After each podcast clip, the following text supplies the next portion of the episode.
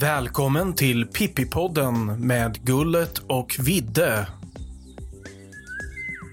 Jag välkomnar till Pippipoddens sjunde avsnitt. Vi är en vecka in i mars nu mot det vi hade hoppats på och kanske också förväntat oss så har våren tagit en liten paus.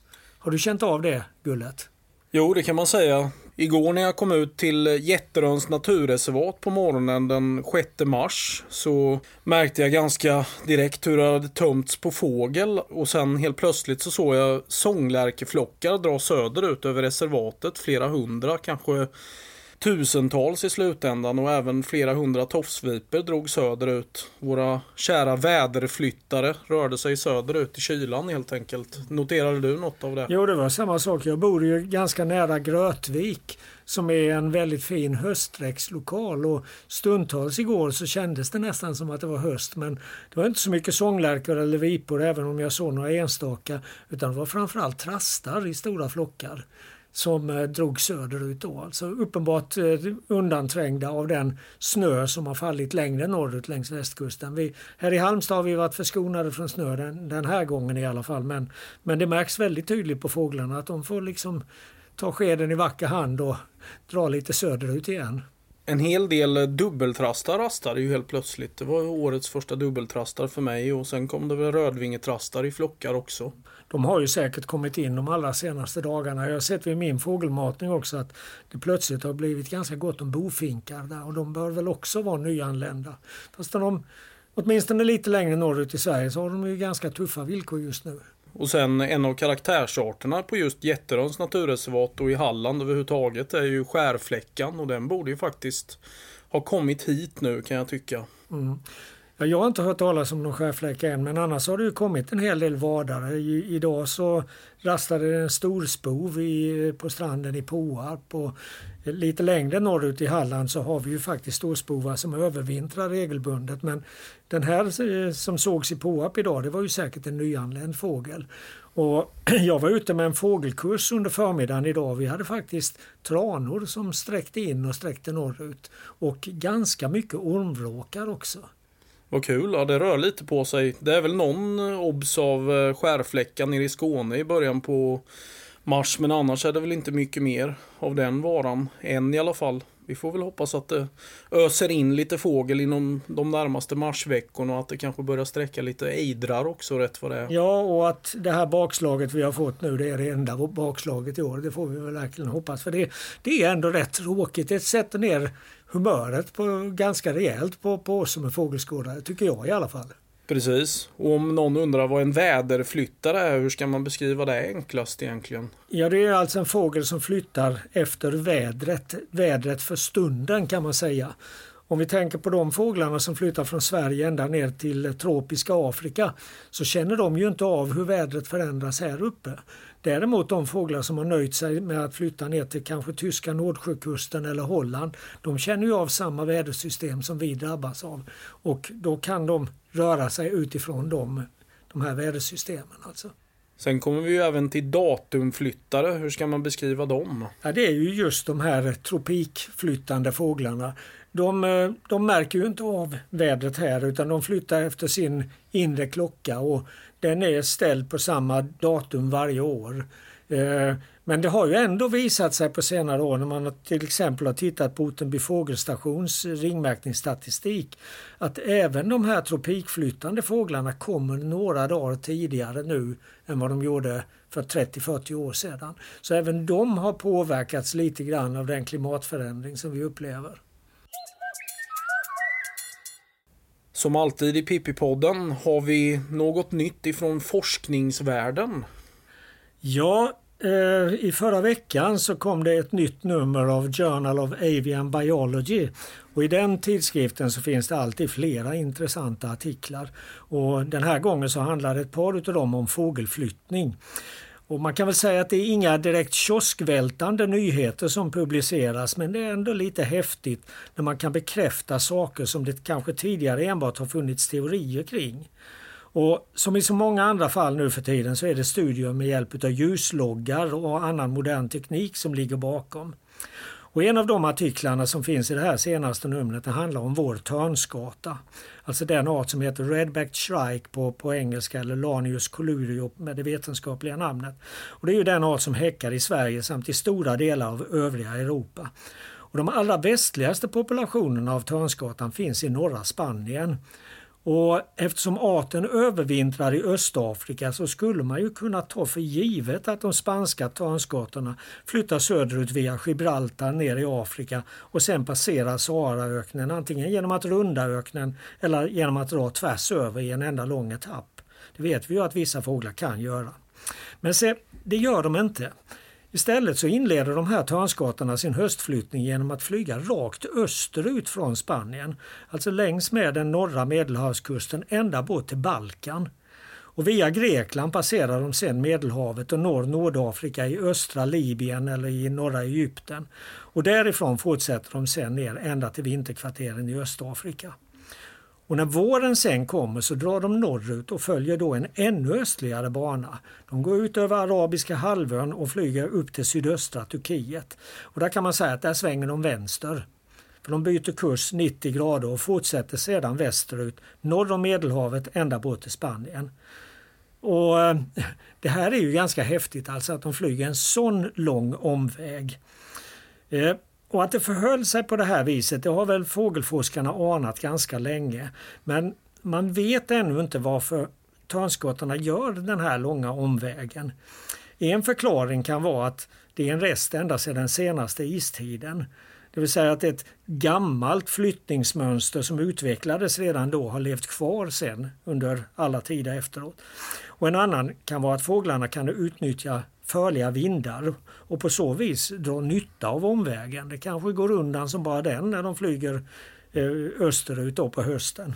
Och en tredje förklaring är naturligtvis att de törnskator som har försökt korsa Sahara från nordvästra Afrika till Östafrika helt enkelt dukat under och sorterats bort av det naturliga urvalet. Sen finns det en annan artikel i samma nummer som redovisar följningar av husvalor och backsvalor från de, deras europeiska häckningsområden till vinterkvarteren i Afrika söder om Sahara. Båda de här arterna de minskar ju i så gott som hela Europa och orsakerna till den här tillbakagången är inte helt klarlagda. Det är ju faktiskt så att ladusvalan, den tredje vanliga svalan här uppe i norra Europa, den minskar inte utan har snarare en svagt positiv utveckling. Och då kan man undra vad är det då som drabbar de här båda andra svalarterna som inte drabbar ladusvalan? Gissningsvis ligger förklaringen nere i vinterkvarteren men det är bara en teori som man har haft. Va? Det visade sig i den här studien att de backsvalor som man följde de övervintrade inom ett ganska begränsat område i Sahelzonen, alltså i Tchad och Kamerun strax söder om Sahara. Och I och med att de är så begränsade så skulle det ju kunna vara förändringar i det området som påverkar dem negativt. Husvalarna däremot de var betydligt mer spridda över ett stort område i Afrika söder om Sahara. Och man kan väl också säga att den här studien inte gav några tydliga indikationer på faktorer som kan förklara de här båda arternas tillbakagång. Däremot, och det är lite kul, så visade den att husvalarna men inte backsvalorna flyttade dubbelt så snabbt under vårflyttningen som under höstflyttningen. Det här är ju också någonting som man har anat tidigare att vårflyttningen då, man ska, då de här fåglarna ska upp och lägga beslag på ett revir, att den går snabbare än under höstflyttningen. Då har de inte samma anledning att skynda sig. Och båda arterna stannade för födosök flera gånger under resan norrut. Men under själva flygetapperna så flög husvalarna väldigt, väldigt fort. Och det visade sig att de kunde tillryggalägga etapper på hela 80 mil under en enda dag. Och det tycker jag är rätt häftigt.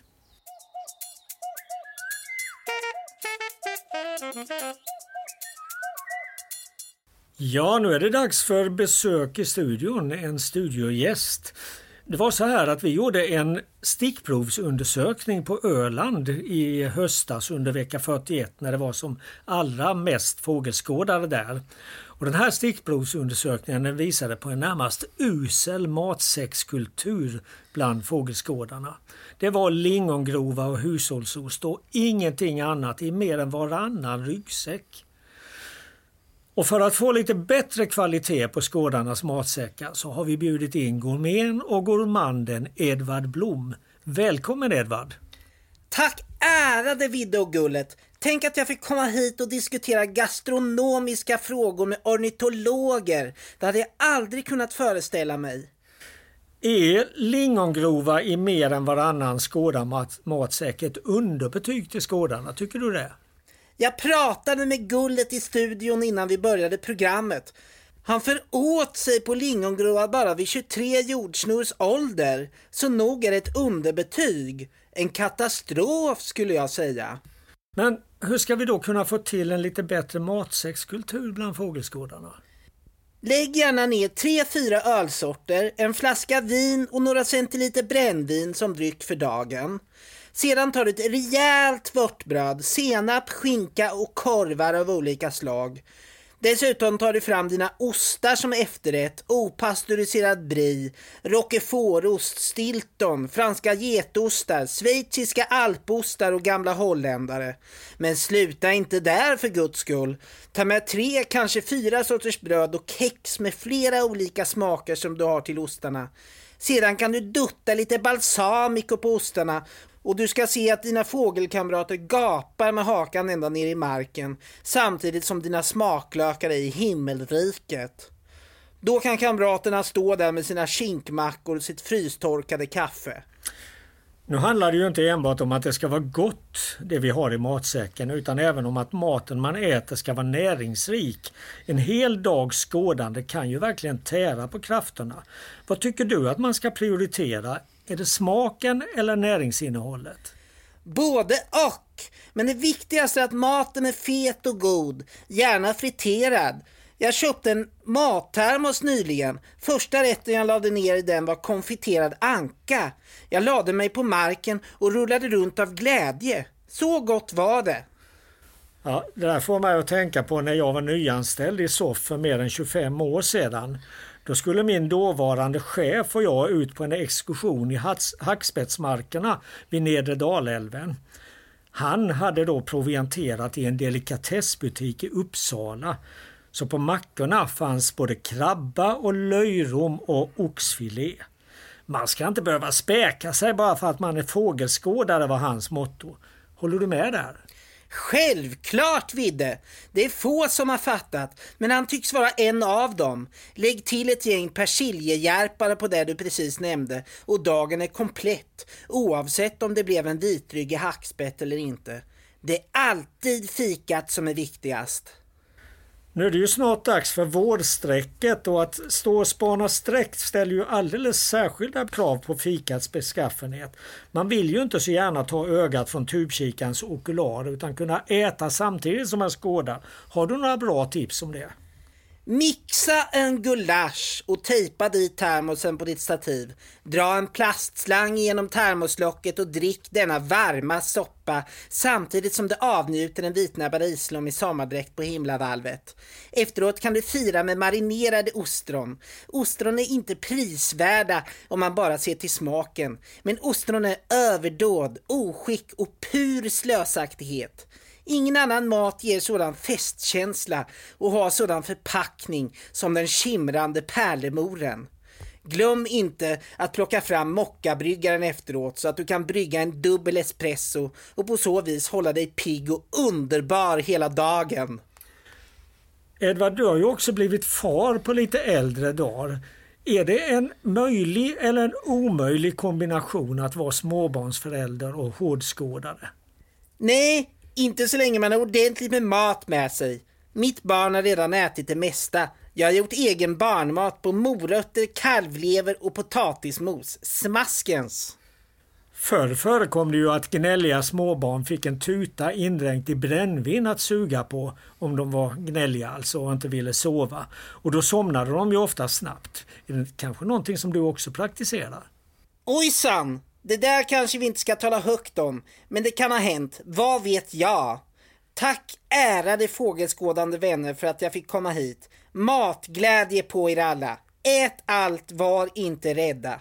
Jag älskar till exempel gratinerade lammögon.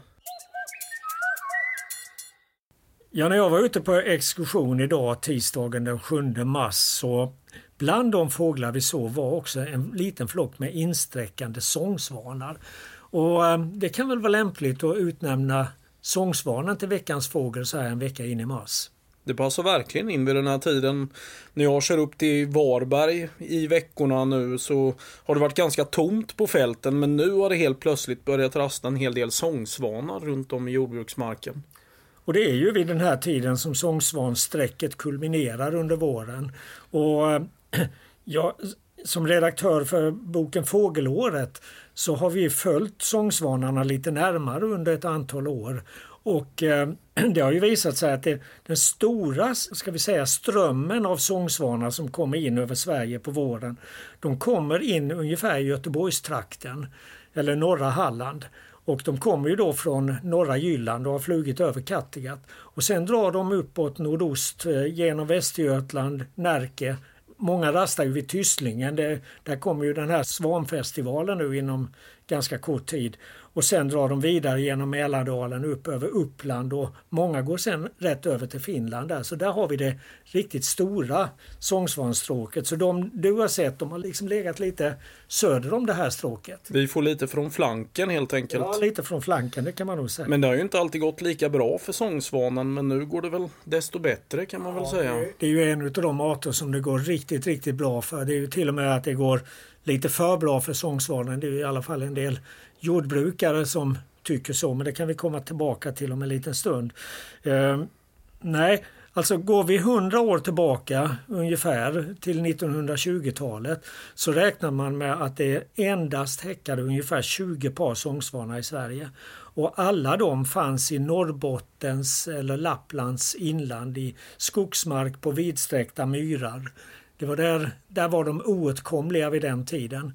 Men då på 1920-talet då fridlystes både knölsvanen och sångsvanen. Och sen har det gått rakt uppåt och nu uppskattar man det svenska beståndet till minst 5400 par. Kan man säga att den nästan går lite hand i hand med tranan, att de har lite samma liv och leverne? Ja, ja eh, både och. Alltså, båda två gillar ju att vistas på stora fält under vintern. Eh, sångsvanarna går ju att beta utav både olika typer av gräs och kanske framförallt av raps. Medan tranorna i första hand går och betar spillmajs och spillsäd och längre söderut i Europa så äter de ju också ekollon under holmekarna i Spanien. Eh, så att båda arterna har ju gynnats av den europeiska jordbrukspolitiken som har rått under de senaste decennierna. Den som har lett mot allt större fält, allt större gårdar och mycket vintersådda grödor och ganska mycket spill också. Så eh, visst, så är det ju. Ofta när man ser en sångsvansflock på ett fält så stannar man ju ofta till. Men det är kanske inte för att titta på sångsvanarna i sig utan man letar efter något annat i flockarna.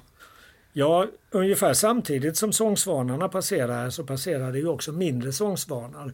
Den eh, lite ovanligare lillkusinen till sångsvanen, den som häckar längre norrut uppe på tundran. Sångsvanarna finns ju framförallt i våtmarker i skogslandskapet genom hela taigabältet medan de mindre sångsvanarna tar vid lite längre norrut. Och visst, det händer ju att en och annan mindre sångsvan rastar i de här sångsvansflockarna. Annars kommer ju mindre sångsvanarna väldigt ofta i artrena flockar och om en eller två veckor.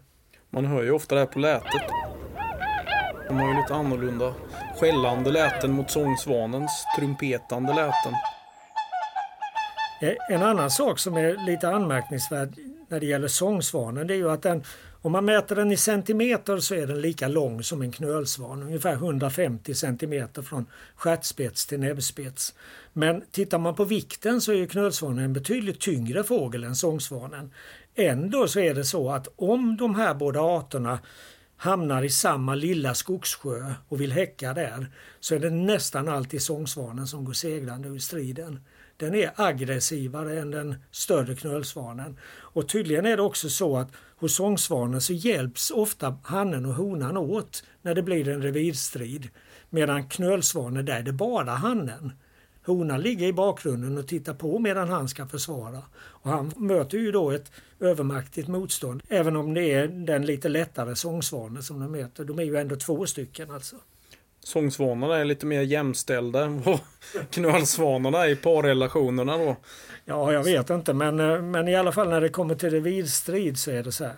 Sen såg jag någonting på nätet nu för ett tag sedan om någon som hade en fråga om eh, sångsvanar kan häcka redan när de är ett år gamla så att säga. Att de är födda Säg att de är födda 2016 och så kommer det ett par sångsvanar tillbaka nu. Kan de häcka redan tidigt eller? Jag tror inte det, men man ska nog aldrig säga aldrig. Det, det, det har ju visat sig bland, bland annat när det gäller skarvar att när en skarvpopulation är i en väldigt kraftig tillväxtfas då kan fåglarna häcka vid yngre eller lägre ålder än vad som är fallet normalt. Så om det uppstår någon form av stress i populationen så är det väl kanske möjligt att det kan, kan bli så. Men jag tror att det är oerhört ovanligt i alla fall. Utan det är först när de är ett par, tre år gamla som de häckar. Och det är först då de blir helt vita med egentligen. Sen har vi ju det här som vi var inne och tangerade tidigare med sångsvanarna och deras skada på jordbruksgrödor. Och det är ju framförallt nu på våren och höstrapsodlingar som eh, sångsvanar kan orsaka skada på. Och dels är det ju så att sångsvanarna betar av rapsen så att inte den enskilda plantan växer något mer. De betar liksom av tillväxtpunkten. Men sen, och kanske framförallt när det är så här så att det står mellan frost och, och plusgrader så kan det bli ganska slabbigt på åkern. Och går då en rätt så tung, 7-8 kilo tung sångsvan där och trampar så kan de ju trampa ner ganska mycket. Men det här är någonting som har diskuterats inom en arbetsgrupp som, eh, som eh, Naturvårdsverket har satt till, eller ett forum egentligen. Och eh, en sak som vi då har kunnat konstatera det är att om man nu skulle börja skyddsjaga sångsvanar så är det väldigt, väldigt svårt att hitta någon som vill skjuta. För att det är precis som ett trana att sångsvanen är idag en nästan helig fågel. Det är väldigt, väldigt få jägare som kan tänka sig att skjuta en sångsvan eller en trana. Det var som jag läste i boken Korp av Göran Bergengren att om man skjuter en korp så blir bössan skämd. Så då kan man inte använda samma bössa igen helt enkelt. Vi får, får väl tro att samma sak gäller med tranor och sångsvanar.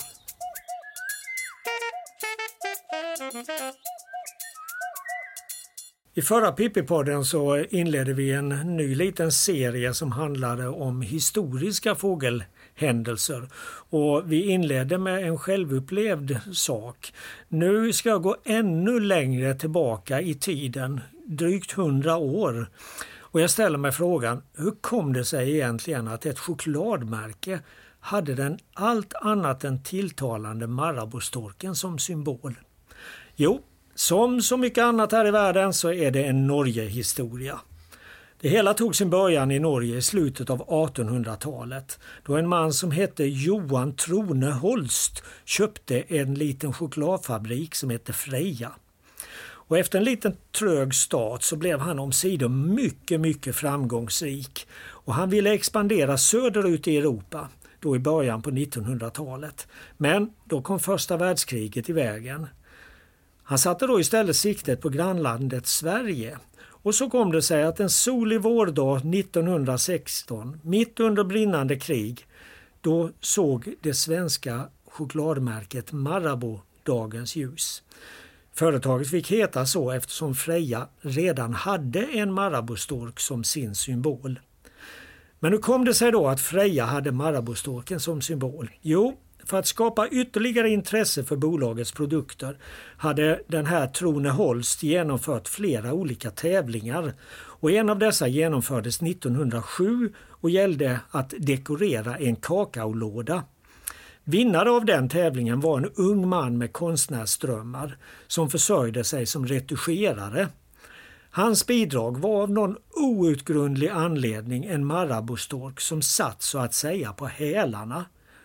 Jag skulle tro att varken han, fabrikören Trone Holst eller någon i juryn någonsin hade sett en Maraboustork.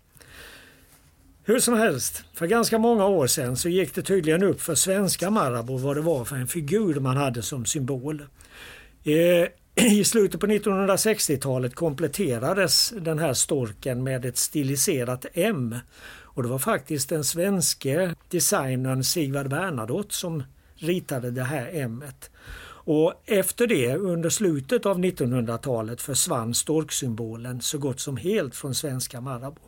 Men det norska bolaget, som än idag förresten heter Freja, har fortfarande Marabou-storken som symbol på sina chokladkakor. Allra sist några ord om den unge man som vann tävlingen. Han hette Oskar Karl Augen Kristoffersen och han var 26 år gammal när han vann. Han hade som sagt konstnärsdrömmar och använde 1908 prissumman på 400 kronor, det var ganska mycket på den tiden, till en resa som skulle ta honom till konststudier i Italien. Men han kom aldrig fram. Det ångfartyg som skulle föra honom på det, ut på den första etappen från Oslo, det förliste redan innan det lämnade Oslofjorden. Oskar Karl Augen Kristoffersen var bland de som omkom i den här katastrofen. Som konstnär lämnade han inte några spår i den norska historien. Men han var alltså upphovet till ett av Skandinaviens allra mest kända varumärke. Ett varumärke med en fågel, en marabostork. Ja, som jag redan har nämnt ett par gånger idag så har jag varit ute på eh, exkursion med en fågelkurs under förmiddagen. Och eh, en kommentar som jag då fick från en av deltagarna var att hon uppskattade väldigt, väldigt mycket när Gullet eh, läste sina fågelberättelser här i Pippipodden. Nu får vi ytterligare en sådan. Den vitnäbbade islommen och Jurassic Park Sömnen tar tag i mig. Jag går in i ett drömlandskap. När jag vaknar upp vet jag att jag drömt under natten. Men ofta går drömmen inte att återberätta. Det är som en spärr i hjärnan. Jag kan inte förklara varför. Men av någon anledning har en dröm bestämt sig för att återkomma och den minns jag klart och tydligt. Jag älskade dinosaurier som liten. Nu älskar jag fåglar. Drömmen handlar givetvis om något djupare än bara dinosaurier och fåglar. Den berättar om något större. Om ett liv i livet. Ett liv som en gång var och något som nu är. Jag släcker lampan och sluter ögonen. Jag befinner mig snart i drömmarnas land. Farsan har koll på mig och min bror då vi går från Norrköping central för att se på bio. Det gäller att stanna vid rött och inte springa iväg. Sköter vi oss inte blir det ingen bio. Farsan köper tobak i en kiosk. Om sommaren röker han alltid pipa. Det är 93. Jag är bara nio år. Men så här i efterhand kan jag tycka att piprökandet klädde honom. Han bär hängslen och det rödfärgade skägget har växt. Fräknarna syns extra mycket på hans armar eftersom det är sommar. Farsan kommer ut med varsin glass till oss. Vi sätter oss på en parkbänk. Jag kastar halva mitt rån åt pilfinkar och gråsparvar. Det känns som en av de små fåglarna vill hoppa upp i min hand. Ett barns lyckorus fyller min kropp. Jag ser lika mycket glädje i att gå på bio som en vuxen ser i att gifta sig med sin älskade. Brorsan och jag har bestämt att vi ska se Jurassic Park. Cola och popcorn. Vi sitter bredvid varandra i mitten av biosalongen. Filmen börjar. Jag gapar. Jag formligen gapar och ryser över scenerna. Dessa fantastiska dinosaurier där finns alla arter som jag har i min samling på den översta bokhyllan i mitt pojkrum. Jag möter farsans och brorsans blickar. De lyser av förnöjsamhet i det vita ljuset som reflekteras mot duken. Filmmusiken tillsammans med de mäktiga scenerna med alla häftiga dinosaurier ger mig gåshud över hela kroppen. I en nioårings ögon är det det bästa som hänt i mitt liv. Jag är lyrisk under hela filmen. Lamporna tänds, filmen är slut. Jag ser min brors leende ansikte. Hans blå ögon lyser av glädje. Sakta flagnar ansiktet bort och ersätts med ett ljussken som snart byts ut av nya levande scener. Ett hav uppenbarar sig. Det brusar och viner i vinden. En fyr blinkar långt borta i väster. Det är tomt över horisonten. Jag ska snart iväg bort från havet i drömmen, men jag vet inte vart jag ska. Precis när jag ska gå flyger något mot mig från väst till öst.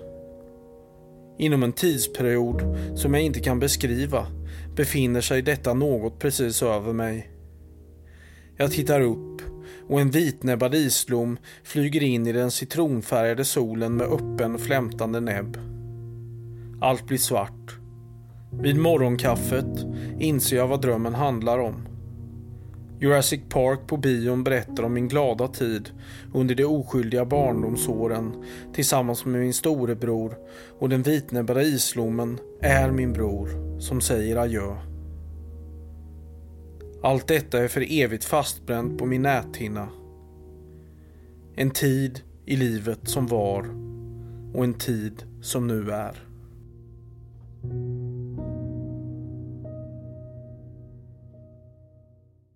I förra Pippi-podden kommenterade jag att regeringen beslutat förstärka naturvårdsintresset i landets så kallade viltförvaltningsdelegationer. Det finns en sån delegation i varje län och på alla platserna är den partssammansatt av olika berörda näringar, intressen och politiker. Och de sistnämnda de ska representera allmänheten. Men det här regeringsbeslutet har rört upp känslorna hos jägare, hos skogsbruket, hos markägare, hos LRF och hos Fåravelsförbundet. I en rad debattartiklar har de kritiserat beslutet. Men jag skulle vilja hävda att tydligare än så här så kan inte den stora obalansen i viltförvaltningsdelegationerna beskrivas. För i de här debattartiklarna så visar dessa företrädare det vi från naturvården har påpekat ända sedan systemet med viltförvaltningsdelegationer infördes. Vi menar att de här intressena de står på samma sida och sluter upp kring jägarnas representant. Och detta bekräftas också av den forskning som bedrivits kring hur viltförvaltningsdelegationerna fungerat. Det problem som finns det är snarare att de här organisationerna inte företräder sitt eget intresse i viltfrågorna utan att man av slentrian och kanske delvis även på grund av samhällets maktstrukturer lierar sig med jägarna och mot naturvården. Rimligtvis så både såväl skogsnäringen som jordbrukarna ofta har mycket mer att vinna på att samarbeta med naturvården än med jägarna. Fundera exempelvis på vad älgar och vildsvin kostar dessa båda näringar. Och när det gäller de fem politiker som sitter i viltförvaltningsdelegationerna är de betydligt mer jaktvänliga än vad deras partier och ännu mer än vad deras väljare är. Den forskning som genomförts visar att en betydande majoritet av politikerna i viltförvaltningsdelegationerna anser sig stå närmare jaktintresset än naturvården. Och en majoritet av dem är också själva jägare. Och detta kan jämföras med att cirka 2,7 procent av svenska folket är jägare. Ett begrepp som ofta kommit upp i den här debatten är också äganderätten. Den äganderätt som är inskriven i vår grundlag. Men här är verkligen debattörerna ute och seglar. För att även om man äger marken så äger man inte de vilda djur som lever på den här marken. Det tror många. Men det är först när ett djur är skjutet under legal jakt som det kan sägas tillfälla markägaren. De vilda djuren är alltså därför ett allmänintresse i allra högsta grad. Och det var ju också bland annat för att värna detta allmänintresse som alliansregeringen för åtta år sedan beslöt att det skulle sitta med fem politiker i varje viltförvaltningsdelegation. Problemet är att majoriteten av politikerna inte representerar allmänheten utan istället sitt eget lilla intresse som jägare. Nu kan dessutom förre landsbygdsministern och tillika jägaren Eskil Erlandsson sägas bekräfta de misstankar vi haft om att viltförvaltningsdelegationerna utformades för att minimera naturvårdens inflytande. I en debattartikel i Svensk Jakt skriver Eskil Erlandsson bland annat att nu förskjuts inflytandet från det som var själva syftet från början, nämligen att ge större inflytande till de som påverkas direkt av de växande klövvilts och rovdjursstammarna. För Erlandsson så finns det tydligen inga naturvårdare där rovdjuren och klövviltet finns. Dessutom, Och detta är väl symptomatiskt. Har ännu ingen från jägarsidan och deras stödtrupper kommenterat den forskning som bedrivits om viltförvaltningsdelegationerna och som bland annat visat på den mycket, mycket starka slagsidan för jaktintresset.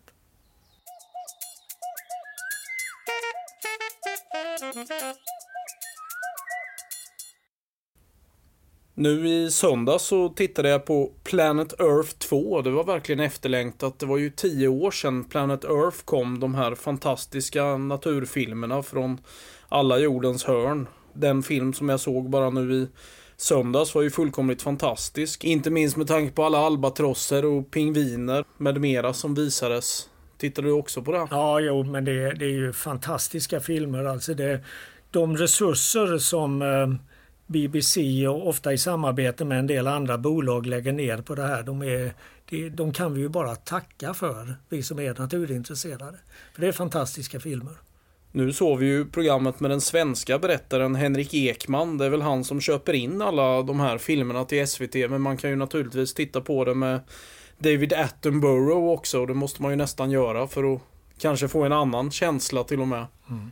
Han är ju också ett eh, fenomen, David Attenborough. 90 år gammal och still going strong. Det, eh, nej men det är bara att tacka och ta emot tycker jag. Det är underbara filmer. Han har fortfarande nya projekt på gång dessutom. Ja, och i det sammanhanget så måste jag bara berätta att jag satt häromdagen och bläddrade i gamla Vår Fågelvärld. Och av någon anledning så hade jag plockat fram tidskrifter som hade 60 år på nacken, alltså från 1957. Och en av de flitigaste skribenterna i Vår Fågelvärld 1957 var Staffan Ulfstrand som fortfarande har en stående spalt i Vår Fågelvärld.